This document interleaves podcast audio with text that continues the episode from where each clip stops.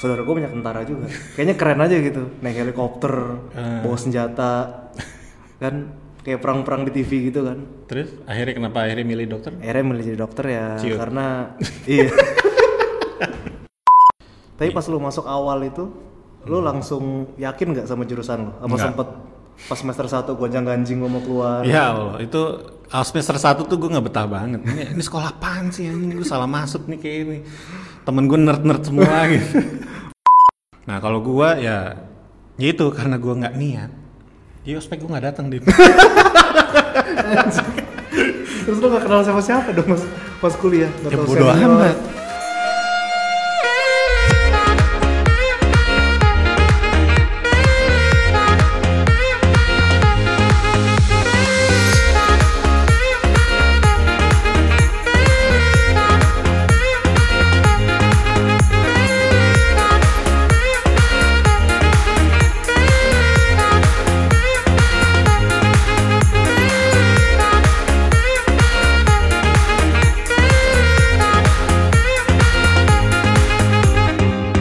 Ya kembali lagi di podcast Adlib bersama saya Dr. Nino. dan gue dokter Dibia Eh, kali ini kita mau ngebahas apa nih Dip?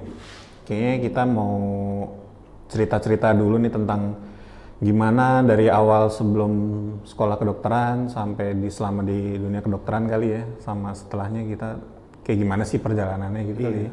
perjalanan hidup kita lah kurang lebih Hmm, biar lo pada makin ngerti gimana perjalanannya menjadi seorang dokter dan buat lo lo yang mau kuliah kedokteran ya mungkin bisa ngebantu juga kali ya gitu kali ya. kita kasih masukan sedikit Ya, terus buat orang yang udah ternyata udah dokter jadi bisa inget-inget lagi masa dia selama sekolah Nostalgia, gimana nostalgia. nostalgia ya nggak?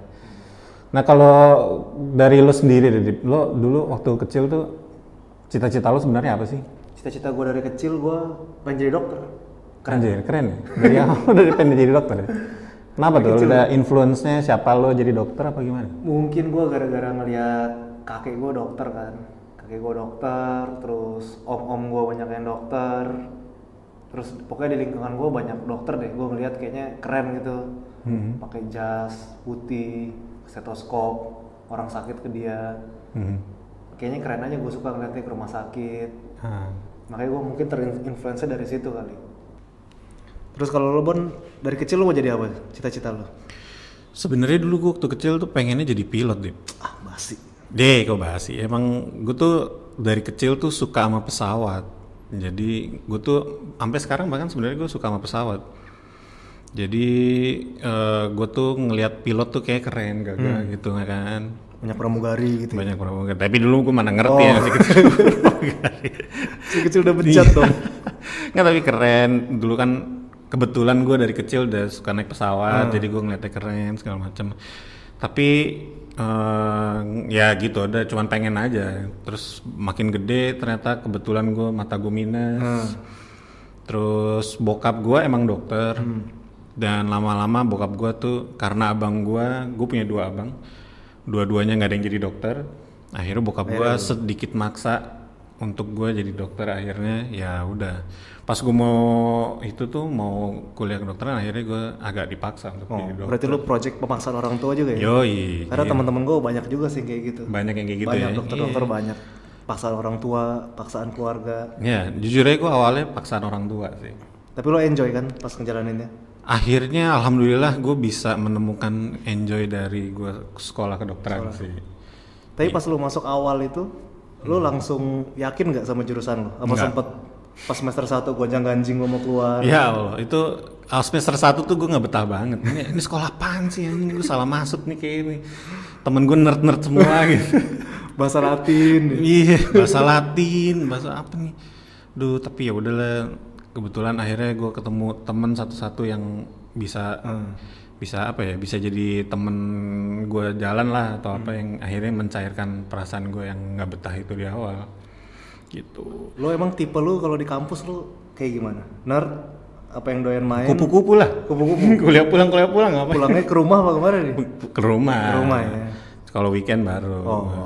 Ya lah kebetulan rumah gua tuh deket sama kampus kan kampus gue di Salemba.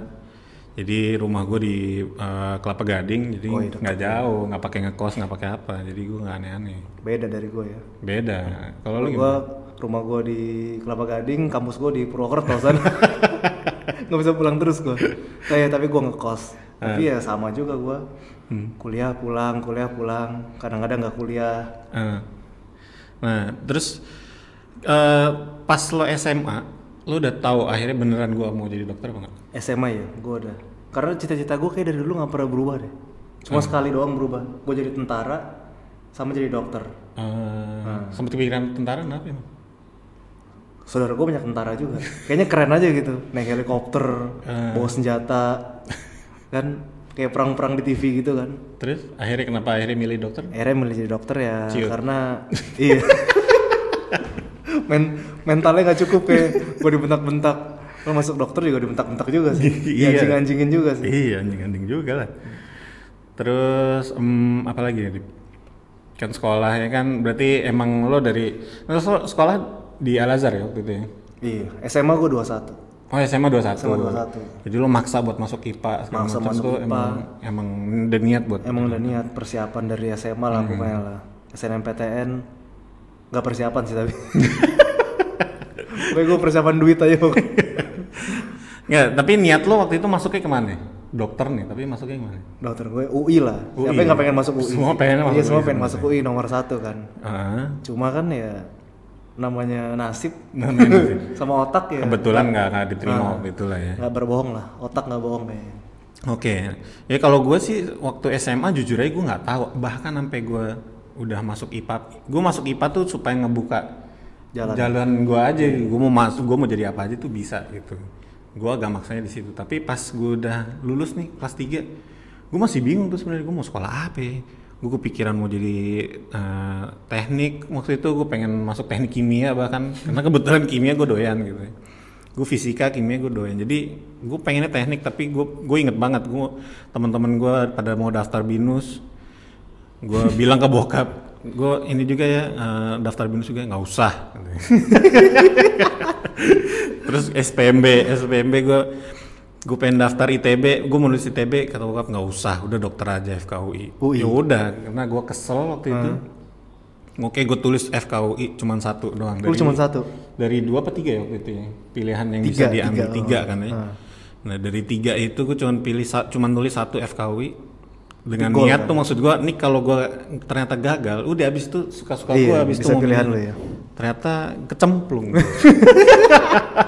Doa orang tua bon. dua orang tua betul ya memang Bener ya. akhirnya setelah itu kan gue ngerasain berkahnya sih gitu jadi itu part satu kita ya jadi part Hmm. satu kita tuh tentang awalnya dari kecil tuh kita emang udah niat mau jadi dokter apa enggak habis itu mungkin kita masuk ke part 2 nih Hmm. gimana nih selama di dalam dunia sekolah tuh gimana Dari masuk sampai lulus berarti ya. oke kita masuk ke part 2 Oke lah kalau begitu Oke lah kalau begitu Oke lah kalau begitu Oke lah kalau begitu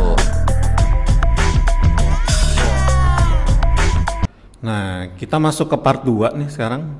Part 2 seperti yang tadi kita udah bilang, ini menjelaskan tentang bagaimana sih dunia sekolah kedokteran tuh, ya kan? Coba jelasin lo step-step masuk lo kedokteran waktu itu gimana?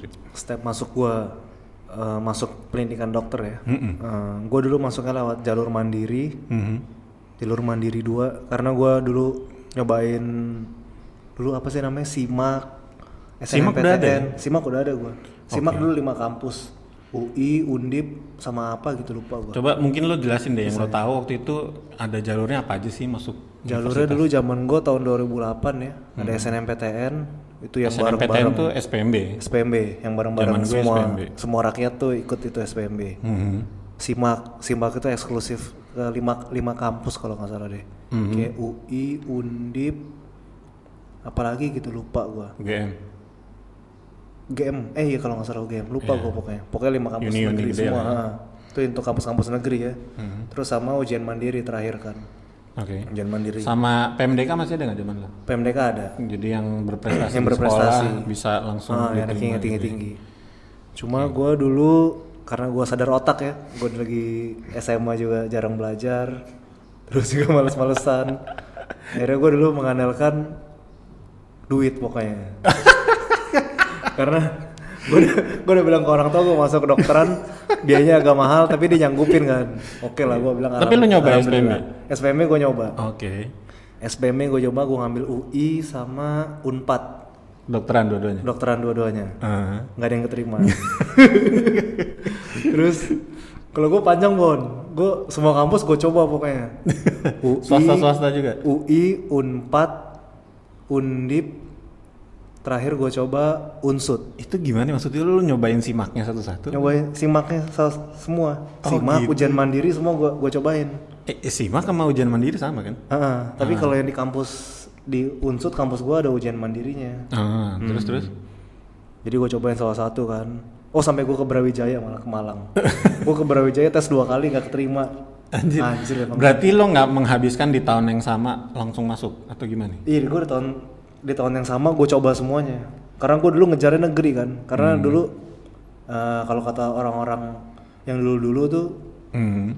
usahain negeri deh kalau masuk kedokteran. Karena kalau swasta takutnya ntar kerjanya susah. Apalagi mau eh, PPDS terdiskriminasi ini itulah. Hmm. kan dulu gue nggak tahu kan jadinya makanya di mindset gue pokoknya gue harus masuk negeri deh mana aja mau ke daerah mau di Jakarta mau kota gede pokoknya yang penting negeri gue mindsetnya karena gue tahu kalau di negeri pun biaya semesterannya murah jadi gue Ya, betul. enak ke keluarga gue mintanya ke bokap gue biarpun uang awalnya mahal tapi semesterannya kan murah kan oke lah nggak kayak swasta kan Hmm.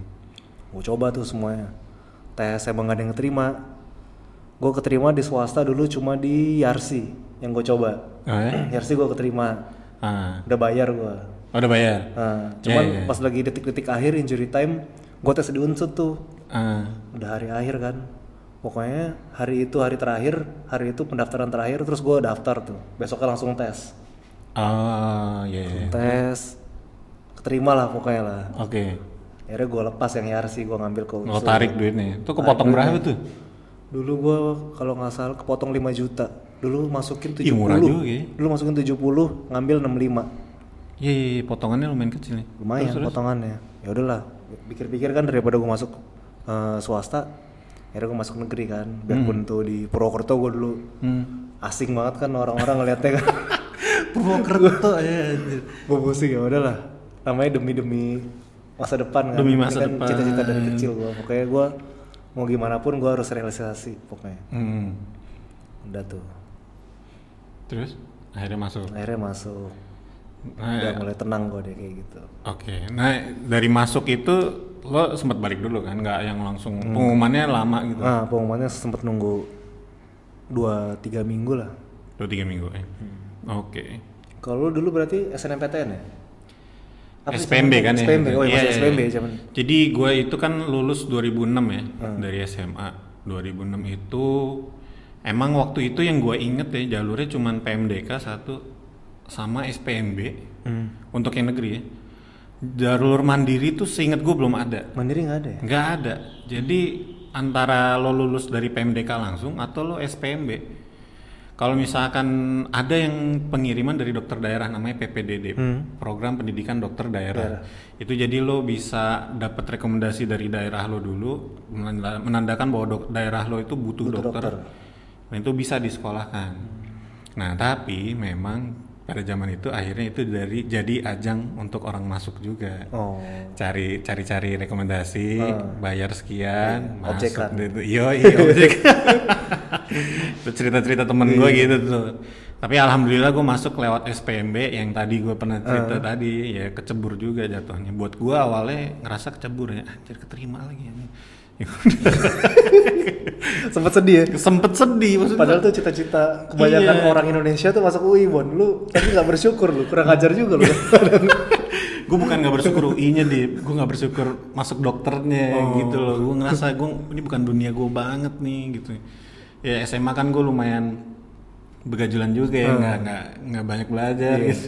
Gue males kan masuk yang nerd nerd gitu. Gue pengen pengen kuliah di Bandung gitu kan pemikirannya teknik gitu segala macam Iya. asik ya nongkrong Yoi. ya udahlah tapi alhamdulillahnya ternyata diterima SPMB waktu itu zaman gue itu gue masuk 25 juta. Lu Kalau nggak 25 salah. juta? 25 juta tuh. Gila. Semesterannya satu setengah. Murah ya. Murah. Jadi pokoknya kalau lo hitung-hitung totalnya sampai lulus tuh gue nggak nyampe 50 juta. Oh, yang 5 juta. Iya. Nah waktu itu SPMB tapi kan terakhir tuh. Hmm. Sebelum-sebelumnya kan gue nggak tahu gue kuliah di mana kan. Jadi gue daftar swasta juga sempet. Di mana lu daftar coba? Gue daftar gue coba di Trisakti. Trisakti doang. Keterima. Nah Trisakti itu kan cuma ada tiga apa ya tiga gelo- Gelombang. bukan, bukan gelombang tiga tiga grade lah intinya Oh, iya. grade satu apa dua apa Yang tiga. ngebedain bayarnya yang nanti. ngebedain biaya masuknya itu gua keterima cuma dari yang eh, itu yang grade ketiga Grade tiga. jadi yang paling mahal Yang paling mahal. itu jadi udah salah-salah tuh. itu itu kan gua oh ya berarti emang kayak gua nggak mungkin lah ya masuk Hmm. UI gitu ya nah yaudah tuh gua keterima yang ketiga gua bayar tuh 90 jutaan ada tuh gitu. Anjir. 2006 90 juta ya. 2000 2006 90 jutaan. Dan emang gue nggak daftar yang lainnya gitu. 2006 90 jutaan.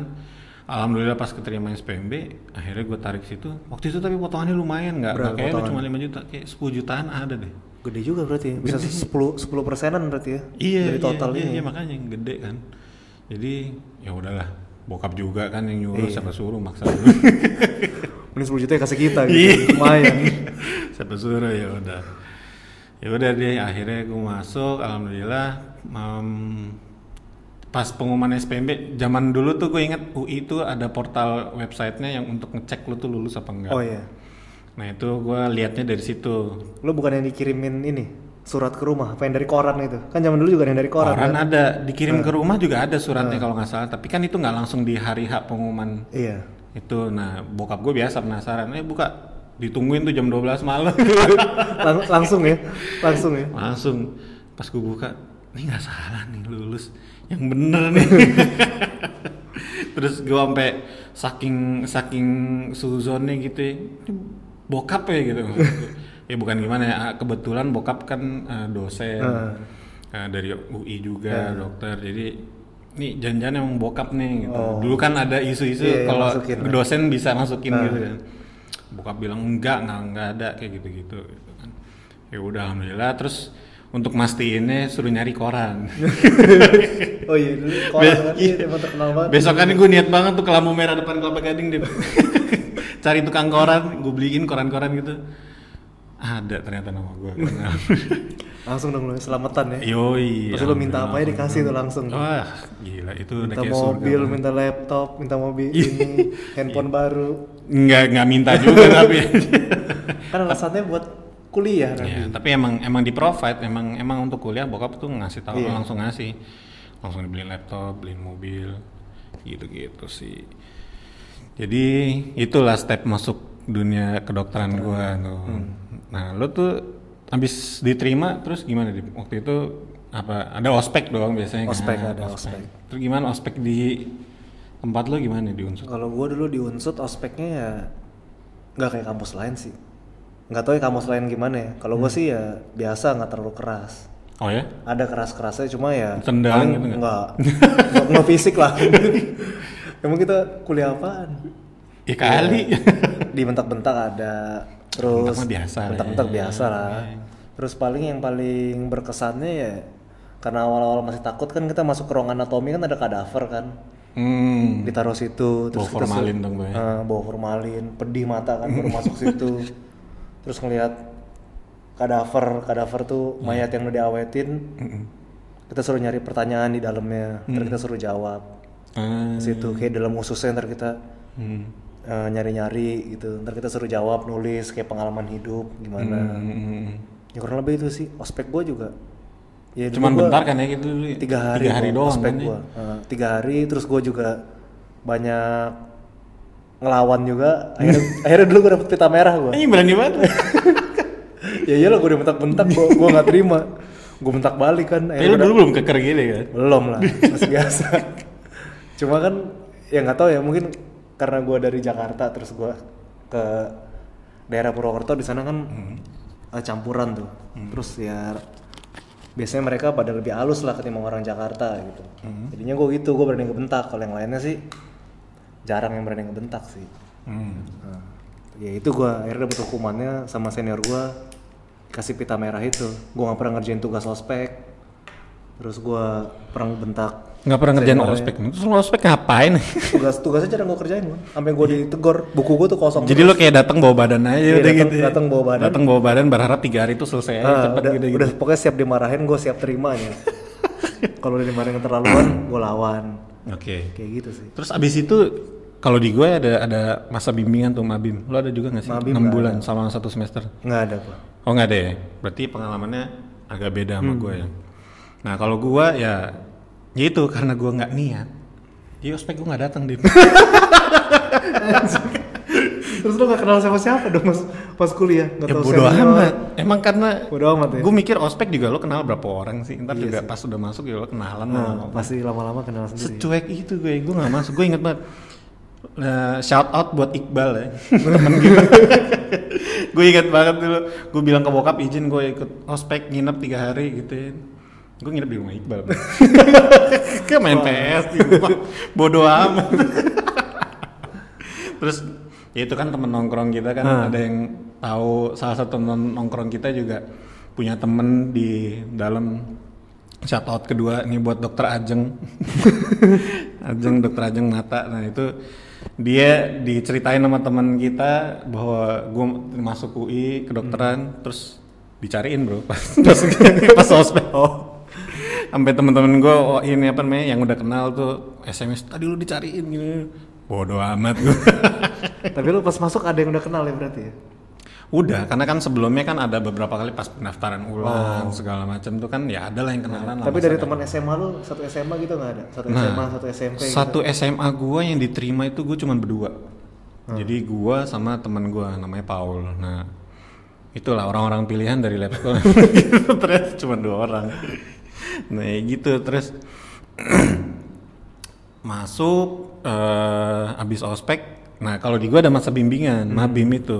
Bimbingannya maksudnya Jadi mabim itu lo selama satu semester tuh tetap kayak ospek nih. Oh. Tiap sore lo dikumpulin buat ada tugas-tugasnya. Tapi tetap belajar tetap kurikulum udah mulai Udah, jadi yang kelas gitu udah mulai, Hmm. tapi gua ada masa bimbingan itu, capek dong menurut itu gue juga nggak pernah datang. gue udah bodo amat, pokoknya gue udah bilang sama teman gue, gue nggak mau ikutan yang kayak gini-gini. Intinya kalau mabim itu nanti kan dapat sertifikat lulus. Ah. Nah itu akhirnya lo bisa dapat pengalaman, eh, bisa daftar untuk organisasi. Oh, organisasi Tujuannya ya, kayak gitu. iya, iya, iya. Itu suatu yang kewajiban untuk masuk organisasi. Hmm. Nah, gue karena mikir, ah ngapain gue masuk senat juga nggak minat, gue nggak mau jadi politisi, bodo amat. Lu cuma pengennya jadi dokter pokoknya. Iya, gue di sini aja terpaksa. Syukur gue mau lulus di sini. Untung gak berhenti tengah jalan. iya, ya udah, tapi akhirnya ya udah tuh, gue nggak ikutin. Ya udah, gue ikutin kuliah biasa. Makanya dari awal gue udah kupu-kupu. Kalau nggak gitu, gue bakal kena kumpulan. Hmm. Iya sih soalnya. Lo ikut apa lah organisasi apa. Iya, Gitu. Tapi kalau di kampus lo dulu senioritas nggak? Karena kan eh, dunia dokter tuh kan orang-orang taunya kan identik dengan senioritas kan. Kayak lo Senioritas. harus hormat banget sama senior. Ya.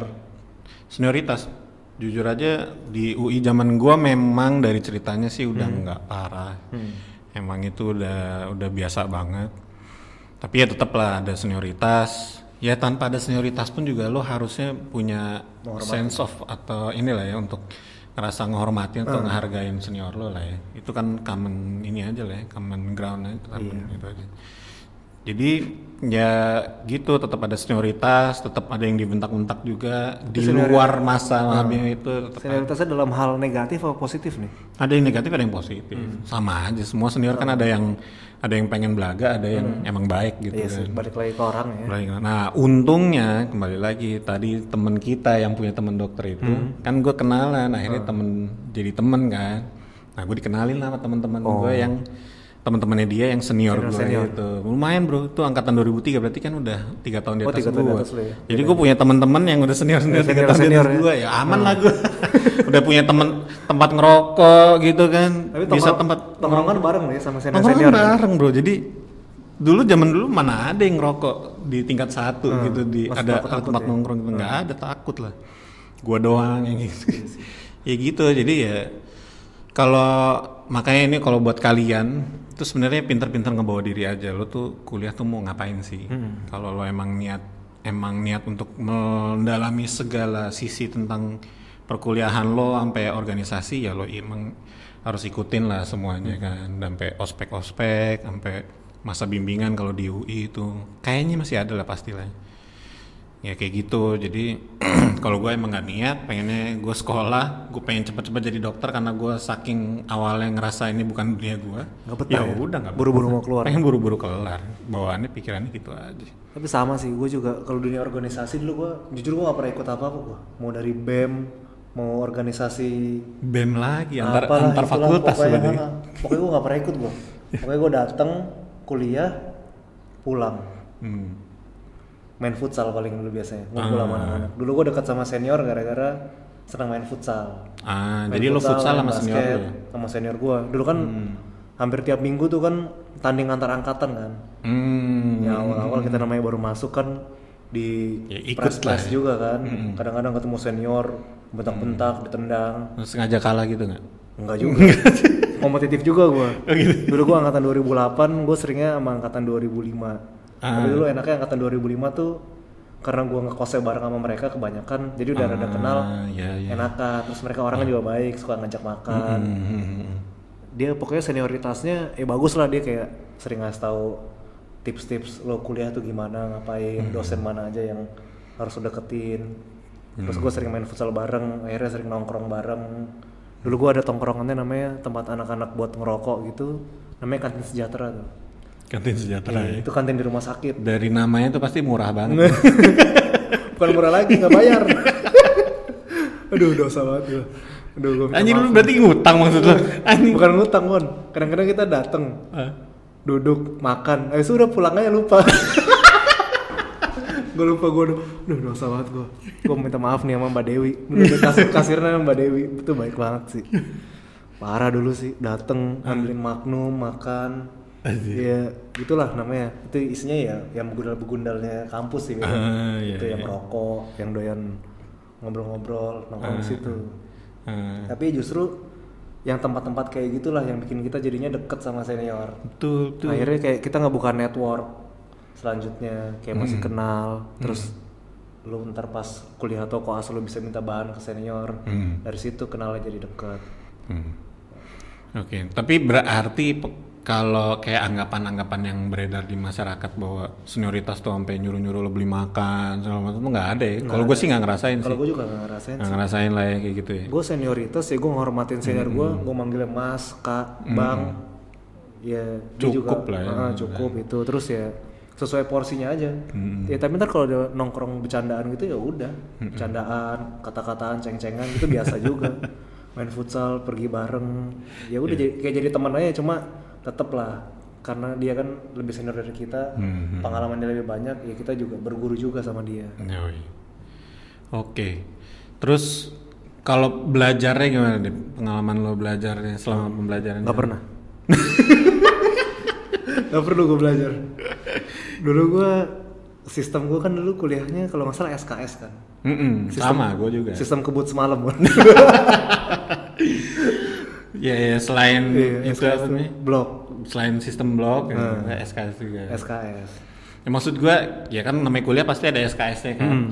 Cuman kita tuh nggak kayak kayak fakultas lain, kita tuh udah dipaketin. Nah, jadi kita nggak bisa ngambil SKS semau kita kan. Ya, a- eh, apa namanya semester 1 tuh udah jelas lo bakal belajar modulnya apa aja. Terus semester 2 apa aja, semester 3 apa aja dan seterusnya. Cuman jeleknya begitu lo eh, apa namanya gagal di satu modul, ya udah lo bakal turun tingkat gitu kan. Iya. Lo juga gitu kan? Gue nggak turun tingkat sih, ngulang. Ya ngulang di tingkat di tahun berikutnya kan Iya. nggak ada Ah. khusus buat lo sendiri gitu Iya. kan. Jadi bareng junior. Nggak ada semester pendek kan? Dulu gue sempet diadain, tapi Oh, sempet. cuman berapa tahun nih? Sisanya nggak ada sih, harus ngulang bareng junior lagi berarti kita. Iya iya iya. Makanya kalau di gua nggak ada si apa namanya, semester pendek, makanya jadi harus ngikut ngulang di- dengan junior. Nah pas ngulang di modul yang sama dengan junior kan gua kan mengorbankan modul yang harusnya gua dapetin di semester Iya. itu kan. Nah itu emang akhirnya otomatis akan lo turun tingkat gitu. Itu yang bikin terhambat ya kadang-kadang. Mm-mm, ya, memang. lama. Itu terakhir adalah 2004 sebelum dibagi-bagi modul gitu. 2004 itu dulunya masih model SKS, SKS. tau gua. Ada SKS enak kan tuh kan? ada semester pendeknya juga tapi gua nggak tahu persis gambarannya gimana kuliahnya. Tapi yang jelas dulu sebelum gua zaman gua itu lebih banyak kuliahnya gitu jarang praktikumnya gitu gitu kalau kayak kita kan kebanyakan praktikum sama PBL kan? Ya PBL Program jadi learning. bahkan kuliah tuh dikit-dikit. Iya, dikit. Hmm, kita juga kan diskusinya ya kan? diskusi. diskusi mecahin masalah terus praktikum gitu jadi emang memaksa kita untuk banyak baca niatnya. Dan nggak bisa cabut juga tuh kalau kayak gitu. Nggak bisa cabut tuh diskusi. Tatap muka sama dosen. Ya. iya ada fasilitator namanya kalau gue. jadi fasilitator kan cuma 10 mahasiswa. Iya. ketahuan nggak masuk satu gitu. Cuman ya namanya gue tetap aja. Tugas-tugas nyontek-nyontek tugas temen aja. Kalau tugas kalau tugas gue juga nyontek. Dulu gue dibilangnya spesialis PJK print jilid kumpul itu udah nomor satu pasti iya lah Pokoknya tujuan kita jadi ketua grup, nanti kita suruh orang-orang ngerjain Hmm. per bagian, sisanya kasih kita, udah kita edit, print, jilid, kumpul. Iya. udah paling gampang, kita gak dapat apa-apa kan. jangan dicontoh ya Ya, itu tapi namanya. maksud gue ya untuk di dia yang emang dari kecil cita-citanya jadi dokter aja ya emang itu kan etos kerja aja ya. Hmm. emang lo harus harus biasa dokter tuh bakal banyak baca kalau awal-awal gitu sama kayak gue tuh pasti ngerasa banyak ke inilah apa namanya sulit beradaptasi tuh ngerasa kayak gitu akhirnya. Baca. nyontek dulu baca, temen. baca, nyontek juga susah kan kadang-kadang kan. Iya, ujung-ujungnya ya ujian harus bisa intinya Hmm. gitu kan. Ujian nggak bisa lo nggak bisa nyontek susah bro. Kalau dulu gue tiap ujian sih gue ujian tulis ya, ujian tulis gue pasti remet gue. karena gue karena gue ngandalinnya ngapain gue belajar capek-capek. Ujian hari ini sore kan keluar pengumuman, Hmm. besok udah remet, remet soalnya sama biasanya kan. ya udah. Simple banget, ya. biar tahu soal ini. Terus dulu tiap tahun kan, tiap ujian kan, setiap mahasiswa kayak nyatet pertanyaannya gitu kan, saya Hmm. absen kan, absen satu nyatet nomor satu, dua, Hmm. tiga, akhirnya kan udah jadi tuh, so, misalnya 100 soal loh, udah tinggal kita pelajarinnya dari situ, besok keluar sama juga, Hmm. tinggal pelajarin kunci jawaban kan, gue dari situ sih, karena gue dulu mikirnya, ya, yang penting gue lulus, gue bukan nyari ilmu, yang penting gue lulus cepet, nanti gue taunya ilmu gue yang dapat itu nanti pas saat di koas, bukan di, bukan di pendidikan dokter, karena kan lu segitu banyaknya lu hafal anatomi, Ah. kepala sampai kaki. Tapi kan itu basic anjing. Iya basic. Cuma gue tahu loh, tapi nggak sebego-bego itu lah. kan ujiannya kan masih ada OSCE Soka. OSCE Iya, Soka iya, gue iya. belajar. Iya, iya. Gue OSCE Soka, alhamdulillah Hmm. seringnya lulus terus. Oke. Cuma ujian tulis saya, karena gue tahu kapasitas gue, Hmm. gue nggak jago ngapal, gue nggak jago Ah, teori. Iya, betul betul betul. Tapi gue dulu jago ngomong, gue jago s- skill gue lumayan dulu. Hmm. Nah, akhirnya gue OSCE Soka yang gue andalin. Hmm. ujian tulis akhirnya gue lepas lah karena kan ya gue tahu kapasitas otak gue dan gue juga tahu gimana cara belajar gue sih yang penting ujung-ujungnya gue lulus gitu jadi strategi aja sih main strategi Ya. Terus itu lo berarti perkuliahan yang tatap muka sama dosen gitu itu berapa tahun tuh, Dip? gue harusnya lima tahun Nah, lima tahun? Lama amat. Preklinik lo lima tahun? iya preklinik lima tahun Anjir lama banget. iya Kalau di UI tuh zaman gue setengah eh tiga tahun. eh gue enggak enggak enggak gue tiga setengah harusnya normal Nggak mungkin lah lima tahunan. iya tujuh semester, tujuh semester kan Iya. Iya tujuh semester tiga Nah, setengah. Oh, cuma gue dulu 8 nih, karena dulu ada blok apa kita baru, baru boleh bisa ngambil skripsi itu semester 8 pas zaman gua. Karena dulu ada dosen yang agak-agak rese lah. Hmm. jadi kita nggak boleh ngambil judul duluan. Harusnya ngambil ntar pas blok apa sih namanya? ECCE itu yang belajar tentang hmm, jurnal-jurnal gitu. Nah Ah, kita baru boleh EBM gitu. ya itulah pokoknya lah. Hmm. lupa gua namanya. Kita baru boleh ngambil judul skripsi di situ jadi mulai start kerjain dulu pada dari semester 8 makanya gua rata-rata di kampus gua dulu lulusnya pada telat empat empat setengah tahun Jadi lo tuh nggak nggak standar gitu ya semua tuh lulusnya harus bareng Enggak. mulai bareng beda-beda. selesai bareng nggak bisa Beda-beda. gitu ya. Kalau di UI itu sangat terstruktur. Alhamdulillahnya Oh. sih menurut gua kalau UI itu memang itu yang gue irinya sama anak UI itu iya terstruktur Masuk bareng, banget. keluar bareng kan Gua masuk bareng keluar bareng. Kalau lo nggak bisa ngikutin ya udah lo turun aja Hmm. sekalian nggak usah nggak usah akhirnya ngerepotin angkatan lo gitu misalkan. berarti lo koas juga langsung segelombang brek masuk semua ya Masuk semua. libur-libur bareng, masuk-masuk bareng gitu. Jadi nggak ada pakai nunggu. Kalau yang gue tahu lo kan kayak nunggu-nunggu giliran nunggu, kan. nunggu gelombang. Iya karena kalau kita di semuanya ada di RSCM jadi tahu gitu Hmm. dan kapasitasnya udah jelas dan semua masuk bareng dan Enak ya berarti ya. bareng. Bener-bener Iya. solid ya. Ya, jadi preklinik gua ya tiga tahun. Uh, Alhamdulillah sih gua nggak ada nggak ada re- ya remet ujian ada satu dua kali tapi maksudnya nggak ada yang ada ya? modul Nah. nggak ada remet modul nggak ada jadi selesai tiga tahun kemudian kita masuk ke koas Hmm. nah gimana nih koas nih biasanya banyak pengalaman nih Koas. pengalaman aneh-aneh pengalaman horor-horor gitu biasanya suka ada nih Kalau Tapi gue- dulu lu pas lagi kuliah lu ngeliat anak koas kayak keren ya. Udah pakai jas gitu. Oh iya, Ke rumah it- sakit. Yang bikin keren sebenarnya udah kalau kita kuliah nggak pakai jas dokter, dia udah kayak dokter. Iya gitu. kan kayak dokter datang subuh-subuh Iya, ke rumah sakit. subuh-subuh. Wah, keren Kayak keren gitu ya. Ceritanya ngomongin tentang pasien, Iya. follow up. Kayak udah ngomonginnya udah gimana ngobatin pasiennya. Kalau Kayak keren ya. Keren. Kita masih ngomongin teori. Ujian nyontek. Ujian, eh tugas lu gimana gitu. Kalau dia udah ngomongin pasien, aduh gue punya pasien kayak gini gitu. Gue dulu ngeliatnya gue wah banget tuh. Hmm. Pokoknya lihat di jas gue ada tag dokter muda gitu kan. Kayak gue mikir anjir kapan gue masuk koas ya, ke rumah sakit. Hmm. Meriksa pasien, ngobatin. Terus pas masuk sana, gue sedih. pas gue pertama koas, gue stase pertama tuh dulu gue penyakit dalam interna. Hmm.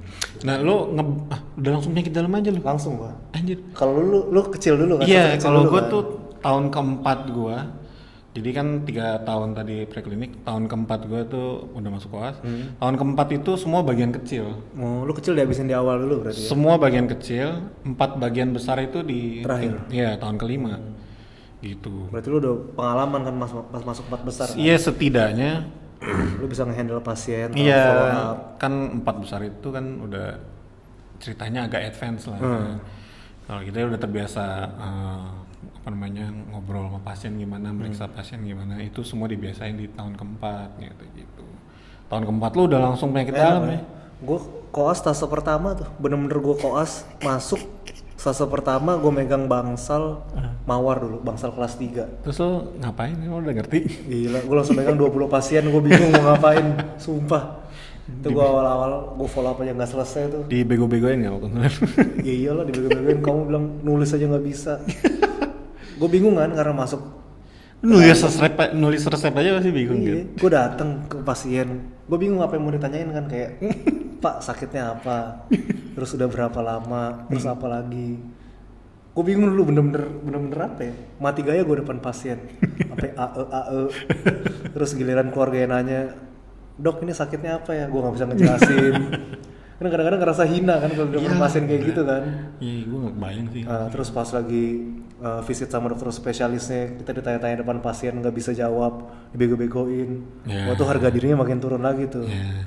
lu gitu tuh yang bikin sebenarnya yang berat di koas tuh kan ya datang pagi follow up itulah standar lah. Namanya, namanya- orang kerja itu kan biasa kan. Cuma yang beratnya ya itu dibego-begoin depan pasien itu depan pasien sama keluarganya.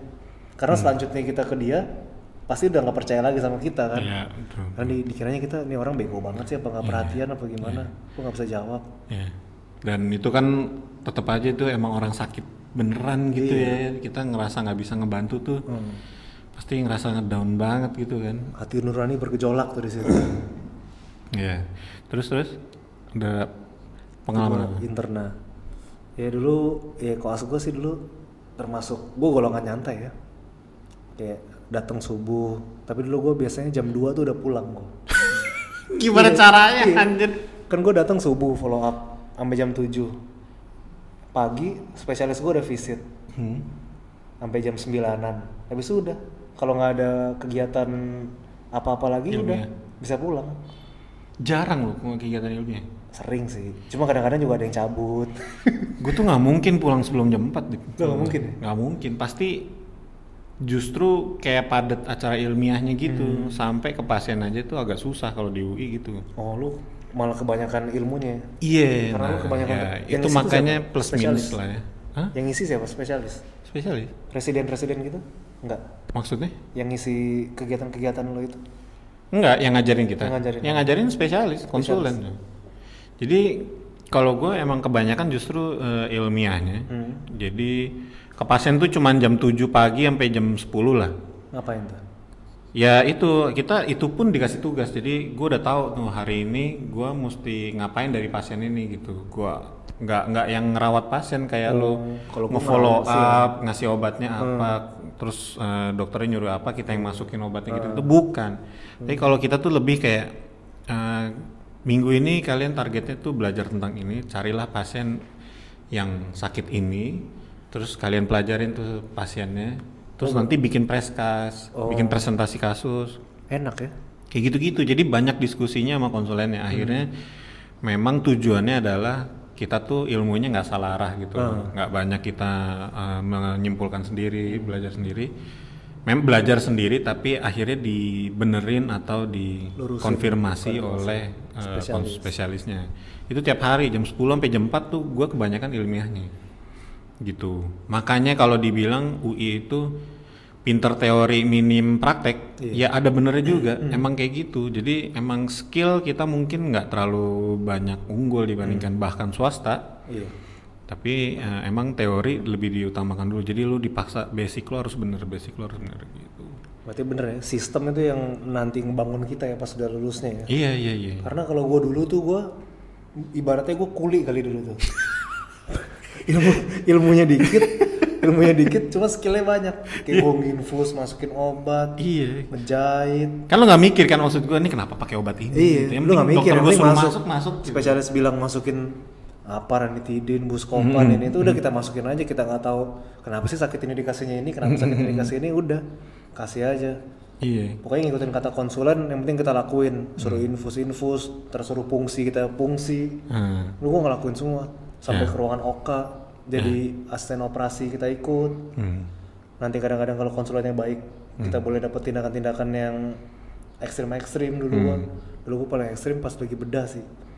Ah. Bedah gua kraniotomi pernah suruh ngebor sendiri. Ikut terus- operasi kraniotomi? Ikut krani- kraniotomi. Kraniotomi itu bedah kepala ya. Bedah kepala, bedah otak, bedah saraf tuh. Hah, lu yang ngebor tulangnya, Ngebor. tengkorak. Gua dikasih ngebor, terus gua Bornya masih bor gini, atau bor, puter bor atau puter, bor manual. bor manual? bor puter gue ngebor sendiri bor puter gue gergaji gue gergaji tulangnya habis itu dia ngejelasin Hmm.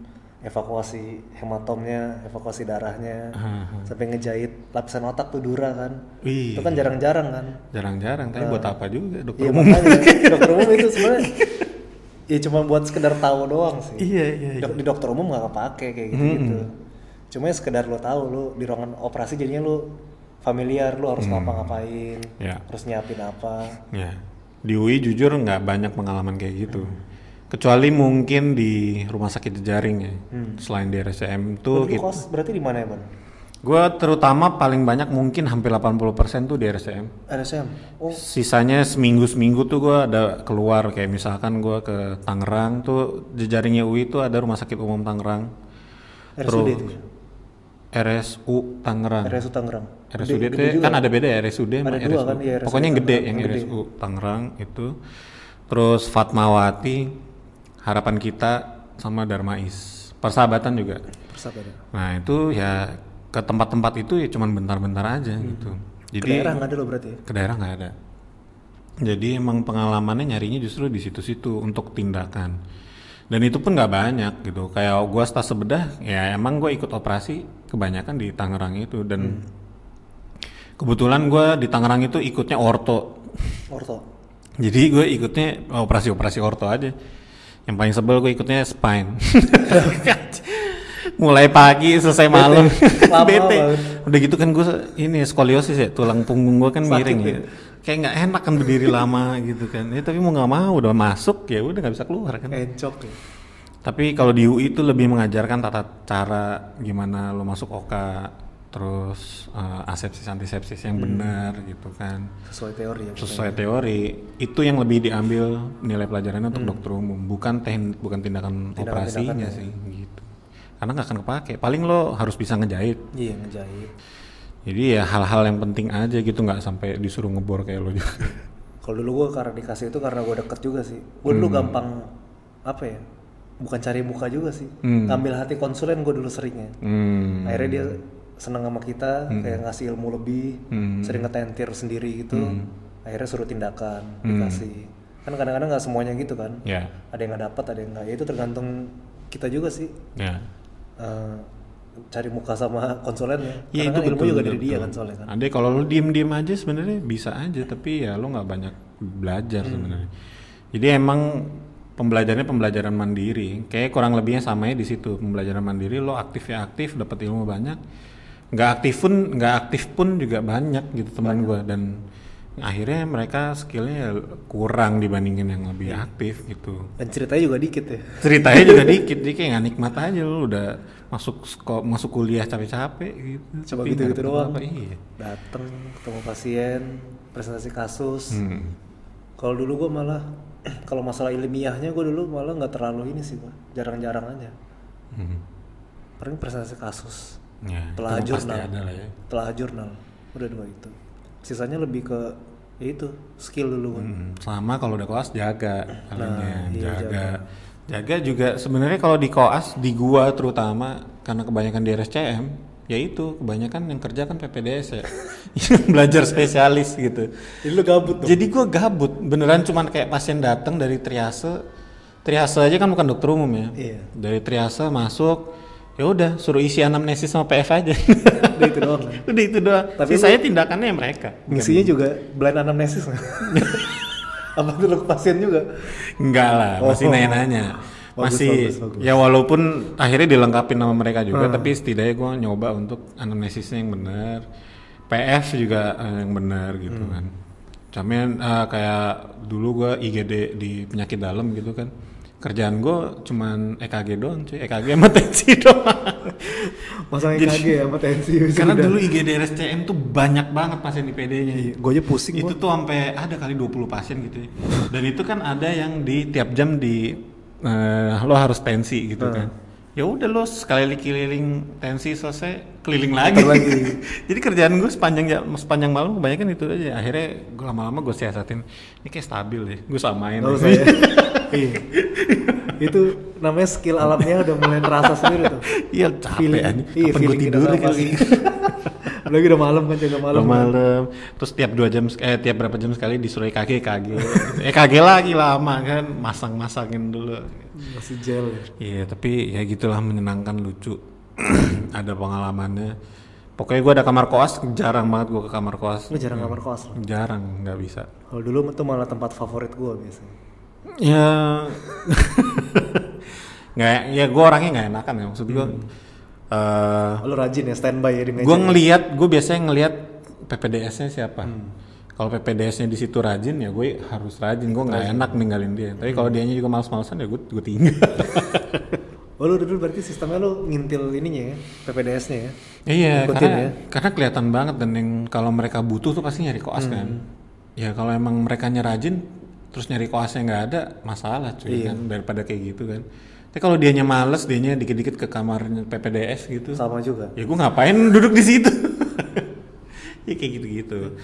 Apalagi jaga bangsal, aduh jaga bangsal tidur aja lah. Mohon maaf aja ya maksud gue kan masukin obat udah ada perawat. Iya. Terus eh, paling tensiin kalau emang eh, Yang yang, gawat-gawat perlu ya. dipantau gitu. Ya udah gitu-gitu aja. Ya, kayak yang gue bilang di podcast sebelumnya gitu, nggak usah so sibuk kalau nggak disuruh sibuk gitu. Jadi jangan bilang selalu capek. Nggak kayak gitu juga. Lebay. Gitu. Lebay. coba 24 jam full paling juga kebanyakan main handphone buka Nah, Instagram apalagi sekarang mainnya Mobile Legend. Mobile Legend enak sekarang Iya, streaming main. Hmm, di ruangan dapat wifi gratis Zaman gue kalau mau nonton video mesti download dulu. ada zaman zaman gua aja dulu belum ada wifi semua Iya, makanya harus download kan. Gitu. Tapi kalau gua dulu pas lagi jaga gua kayak bener berasa kayak jaga dokter umum sih dulu gua Gitu ya. nah datang pasien Jadi emang lo semua yang lo yang ngurusin ya? kita periksa semua cuma kan instruksi dari dokter umumnya kalau nggak dari dokter spesialis kan Hmm. cuman tetap asesmen awal kita pemeriksaan fisik terus kita dulu juga lapor ke konselor juga kita kita telepon apa kita sms Ya, ya, ya. laporin pasien kayak gitu nah di situ yang deg-degan kan Hmm. ada dulu dokter gua dokter saraf dokter untung kalau ngelapor lapor ke Shout dia out untuk dokter Iya, Untung.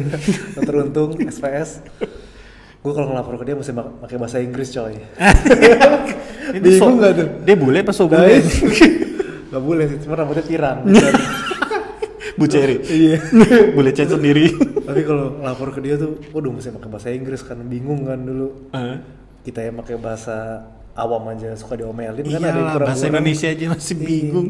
pakai bahasa Inggris. Waduh. Itu paling males deh dulu kalau stase syaraf deh. Ah, Pasiennya banyak lagi kan, datang-datang stroke-stroke gitu. Ya cuma kepake sih akhirnya ilmunya. pakai lah. Jadi kita Pasti- konsul pasti pas sekarang kerja jadi dokter umum konsul ke spesialis tuh udah tahu apa aja yang mesti dilaporin gimana. Sebenarnya kalau lo mau ambil positifnya, ini buat lo yang lagi mau kuliah kedokteran atau lagi kedokteran, itu sekonyol apa pun yang senior lo atau dokter lo laku apa suruh ke lo gitu, pasti ada kepakainya kok gitu. Iya, pasti kepake. Sekonyol-konyolnya itu gitu. Cuman emang penting lo perlu tahu saat itu apa enggak lo ngerasanya kan. Tapi ujung-ujungnya pasti di ke depannya akan kepake sih. kepake. Ntar lu pas udah kerja lu mikir, oh iya dulu untung juga gue disuruh kayak gini ya. Untung Iya. juga gue disuruh itu. Jadi nambah pengalaman lu nambah ekstra apa Yoi. ya? Ekstra pengalaman lah pokoknya. Pengetahuan juga. Wih, udah 50 menit. Nah, terus eh, setelah lulus gimana, Dip?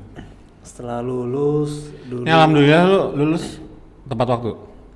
Alhamdulillah gue lulus ngaret. Dulu gue sempat nganggur setahun Hmm. gara-gara keasikan main kan. Eh namanya gue kuliah di daerah. Oh. Sekalinya gue ke Jakarta gue nggak mau Main pulang-pulang nih? kan. Pacaran. Ya main sama temen-temen. Oke. main sama anak-anak lah. Gue sampai setahun nggak ngurusin skripsi. Hmm. Dulu gue gara-gara takabur sih. Gue kuliah yang ngulang tuh cuma satu blok. Teman-teman gue banyak yang ngulang. Hmm. Akhirnya gue malah main ke Jakarta. Gue liburan, jalan-jalan. Akhirnya gue nggak ngerjain-ngerjain skripsi sampai setahun tuh. Oh, cuman ke- ketinggalannya karena skripsi doang. Karena skripsi doang gua Emang, emang skripsi bala sih. Sama skripsi. Ya, terus Pas koas ya standar lah. Gue koas kan rata-rata kalau di kampus gue 2 tahun kan. Karena gue dulu stase besarnya tuh 12 minggu, stase kecilnya ada yang 4, ada yang 8. hmm, Jadi beda sama kalau kampus lu kan lu 10 minggu ya stase besarnya. stase besar 10 minggu. Hmm, lebih cepet kan. Terus Ya. gue juga kalau dulu stase bedah gue pasti udah 12 minggu pasti nambah ekstra lagi 4 minggu lagi buat ujiannya. Karena dulu Oh. konsulennya agak-agak ini rese. Jadinya gitu, kita udah selesai 12 minggu, ujiannya nanti ikut lagi sama dia 4 minggu lagi baru Nggak efektif ujian. banget sih kampus lu. Nah, itu makanya. ya itulah. Ya, ya, Dengan ya. Beragamnya di situ lamanya ya tapi sekarang gue untungnya kepake sih ilmu-ilmunya sih. Pakai lah ya, pastilah kepake lah. nggak ada yang sia-sia sih kalau gue bilang. Jadi perjuangan kita dulu ngikutin lama-lama, ngikutin konsulen, Yoi. omel-omelin, suruh-suruh. Hmm. Sekarang kepake sih. Dan itu juga sebenarnya kalau dipikir-pikir masih di taraf yang wajar kalau ya. nggak ada wajar. yang aneh-aneh lo nggak usah takut nggak usah khawatir bakal dikerjain atau habis duit banyak buat disuruh-suruh beli ini beli itu jalanin aja semua aman-aman aja kok Yang penting lu masuk kuping kanan, keluar kuping kiri aja. Dimaki-maki dibilang anjing, Iya, bilang bilang bego. Ini ya emang Ya, kita emang, bego. emang kita bego kalau pinter nggak usah belajar Eh, gitu kan jadi dia nggak salah Emang dia bener kan tahu aja. Dia ngomongin fakta kan. Cuma kita aja tersinggung. Iya. Makanya lu gak usah baper kalau zaman Iya, zaman betul masih koas kuliah tuh.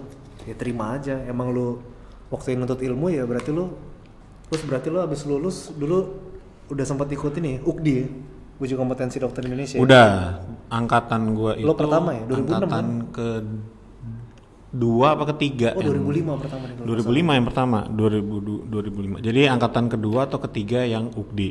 Nah, tapi angkatan pertama kalau nggak salah, yang kalau nggak lulus UKDI lo nggak boleh wisuda di UI kayak gitu.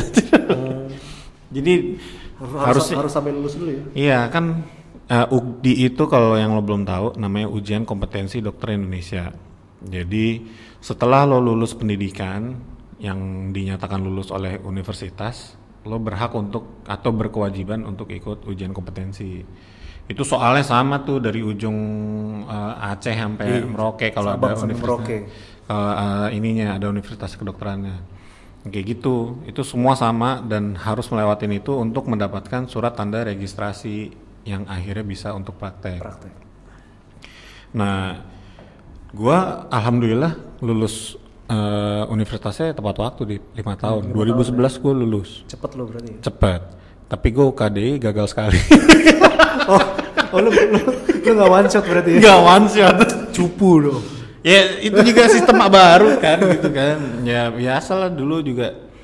Padahal sebenarnya kalau dipikir-pikir soalnya gampang ya. Gue nggak tahu ya gue kurang kurang persiapan atau kurang Soalnya gampang jawabnya susah kon. iya gue ngegampangin juga kali waktu itu ah udah lah gue selama kuliah juga aman-aman aja gitu kan. Gue bisa masa kayak gini doang nggak Lu bisa. anggap enteng ya. terlalu anggap enteng. Nah itu nggak boleh sepintar apa pun kalian lo nggak boleh menganggap enteng eh, apa pun yang kalian hadap- akan hadapin sih termasuk ujian kompetensi nah akhirnya abis itu gua itu tuh intensif di UI karena ngerasa UI em, merasa malu ada yang lulus Oh dibikinin ya. mereka dibikin mereka bikinin eh, kayak Zaman dulu belum ada intensif. les-les gitu ya. belum ada yang bikin les-les kan anak-anak anak-anak Iya, UI Kayak Optima iya, terus Optima tuh teman-teman UI gue kan, sih. iya.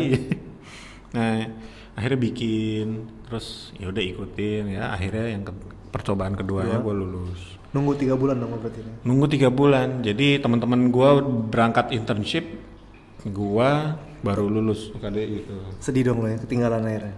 Sedih, sedihnya tuh gue bukan yang karena nggak lulus UKDI Dit. Ah, karena karena teman-teman. bukan karena kebijakan gue nggak lulus UKDI itu nggak boleh wisuda bareng. Oh, oh iya lu nggak bisa wisuda bareng ya. nggak bisa wisuda bareng nggak bisa angkat sumpah bareng. Itu kan padahal momen itu yang paling ditunggu-tunggu kan. Lo ada ngumpul temen-temen lo semua eh, diangkat sumpah bareng. Itu gue sedih sih gue nangis sih. Jujur aja. Bukan karena gue nggak lulus UKDI ya sekali lagi. Maksudnya bukan karena gue gagal tuh biasa. Tapi karena ada kebijakan goblok kayak gitu tuh. Kayak gitu akhirnya gue sedih sih nggak. Kehilangan momen lu karena ya. sebenarnya kan kalau mau fair kan gue lulusnya bareng sebenarnya. Iya sih. kenapa gue gak boleh wisuda gitu? Kan anjing. Protes dong kampus lu. ya udahlah itu pelajaran hidup aja. Jadi nggak boleh nggak boleh menganggap enteng apa pun itu gitu. Kalau lo UKDI one Dulu shot. gue KDI untungnya gue one shot. Mungkin karena gue dikasih udah lama kali ya di zaman tapi zaman lo udah ada ini udah ada pem, apa namanya osce nya OSCE-nya zaman gue udah ada. Lu belum ada kan? belum Gua gue masih pertanyaan pe- pilihan ganda doang Gue udah ada OSCE-nya. Cuma dulu gue OSCE-nya di kampus masing-masing. Jadi ada do- dosen dari kampus kita, ada dosen tamu. jadi dilulusin lah ya pasti belum tentu juga. Untung-untungan juga. Malah dulu kadang-kadang yang dosen tamu tuh baik-baik, ngasih nilai Oh, gitu, bagus, yang tamu terlalu strict. Yang dosen dari kampus kita tuh malah terlalu ngikutin borang banget. Hmm. Karena kadang-kadang kan kedokteran kan art kan, nggak selamanya Iya, kita iya, ngikutin borang kan. Kadang-kadang beda-beda. Apalagi artisnya, misalkan tangan kita apa-apa megangnya Hmm. beda. Mungkin dokter itu nganggapnya itu salah, padahal kan sama aja. Ya, Hmm. tapi emang tujuannya bagus ya. Ada, ada itu kan rubik ya. Nah, rubik itu supaya nggak ada subjektivitas dari si eh, penilai, Hmm. maksudnya gitu. Penyer- penyeragaman juga kan. Penyeragaman gitu. Nah, terus em, gua mau ngangkat dikit ini, gue sih agak sebelnya waktu itu setelah berapa tahun ada UKDI itu ada pergerakan bukan pergerakan ya maksudnya ada orang-orang yang mulai protes nih kan Oh, iya. UKDI itu kenapain sih diadain? Yang udah lulus bar- apa namanya udah lulus dari universitas kok masih belum boleh praktek tes-tes lagi. termasuk orang tua orang tua mahasiswanya. Itu yang mau gue bilang lo lemah banget sih. Dia protes gimana sih dia malas belajar apa emang bodoh beneran Iya gitu. Lo kalau nggak lulus, ya udah lo terima, lo belajar gimana caranya lo lulus, bukannya UKDI-nya yang lo bubarin. buktinya aja banyakan yang lulus ya daripada nggak lulusnya kan? iya gitu kan maksud gua. Dan itu kan niatnya bagus ya maksud gua karena fakultas kedokteran kita udah banyak terlalu banget. banyak lulusannya kebanyakan Dan bukan negeri doang, mohon maaf ada yang swasta juga kan dengan kualitas yang beragam. Iya. Itu kan maksudnya adalah endpointnya diharapkan dokter itu semua setara, hasilnya gitu. Yang bisa praktek itu ya sudah ada standarnya gitu kan maksudnya gitu. yang berstandar Jadi jangan ujian kompetensi yang lo minta lo- lo ilangin dong. Itu sama aja kalau kayak sekarang-sekarang ini UN minta dihapus gitu menurut gue. nah iya itu gue bingung termasuk Pak Anies ya mohon maaf ya Pak Anies Baswedan kenapa anda ikut me- menggiatkan untuk UN itu dibubarin menurut saya itu jangan lah jangan dibubarin itu kan kualitas sekolah anak-anaknya kualitas belajarnya gimana masing-masing kan beda itu kan tujuannya adalah menyetarakan um, ilmu lo ilmu gitu jadi dari Sabang sampai Merauke nanti bakal sama semua Iya, jawabannya gitu. Anggap positifnya dong, jangan anggap negatifnya lo ngerasa kalau nggak lulus itu jadi Gagal. kayak kiamat gitu. Enggak gitu kan. itu mah orang-orang lemah aja berarti Iya makanya. yang nggak siap menerima kegagalan Yoi. Jadi ya itulah kembali ya yang gue minta kalau lo yang lagi mau kuliah kedokteran atau lagi kuliah kedokteran jangan takut semua hadapin aja semua kegagalan itu Hmm. pasti ada penilai pembelajarannya juga buat lo lu malah inget kan wah dulu gua gagal gara-gara kayak gini nih Jadi- Justru banyak yang jadi pinter gara-gara Hmm. Nggak lulus berkali-kali. Iya dan itu yakinlah praktek lo tuh nggak ada pengaruhnya sama lo di berapa kali atau Nggak pengaruh. atau lo lulus langsung atau enggak. Nggak ditanya juga sih. Bahkan gua yang UI sama Dibia yang di Sud pun juga nggak ditanya sama pasien gitu, dokter lulusan mana? Gitu. Iya. Nggak ada gitu. ujung-ujungnya pasti ya akan taunya dia kita dokter. Udah Iya, gitu aja. Percaya deh gitu kan. Oke, jadi itu pengalaman setelah lulus kita. Ya dunia kedokteran kita part 2 gue rasa sih segitulah ya. ya. Panjangan Ini lah ini. Panjang. Kasihkan ngobrol. Kita Terus, akan terus. lanjut di part ketiga eh, mengenai eh, kerja setelah lulus kedokteran.